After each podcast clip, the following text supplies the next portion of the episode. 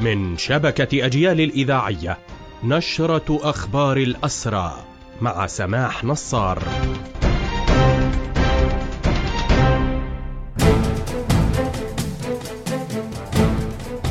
أهلا ومرحبا بكم إلى هذا اللقاء. حملة اعتقالات يومية ليلية شنها الاحتلال الليلة الماضية وحتى فجر اليوم طالت عشرين مواطنا على الأقل من محافظات الضفة وبينهم أسرى سابقون وأفراد من عائلات الشهداء.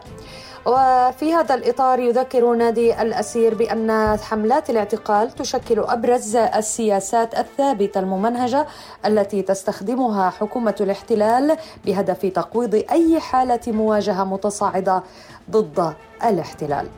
حكمت محكمة الاحتلال العسكرية في سالم على الأسير أحمد جمال قنبع بالسجن المؤبد و26 عاما وتعويض بقيمة مليون ونصف مليون شيكل ذلك بزعم تنفيذه عملية فدائية مع الشهيد أحمد جرر.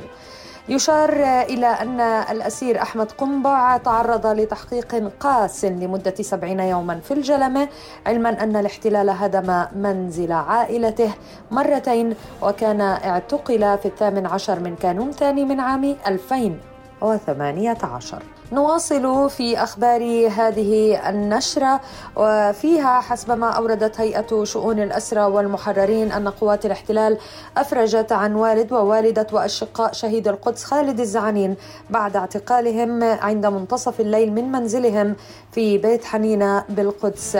المحتلة. وفي أخبار نشرتنا نشرت هيئة شؤون الأسرى والمحررين التفاصيل الصحية للأسير قصي خطاب وحذرت من استمرار اعتقاله وهو يعاني من مرض السرطان. بهذا مستمعينا تنتهي هذه النشرة الخاصة بأخبار الحركة الأسيرة. قدمناها لحضراتكم من راديو أجيال.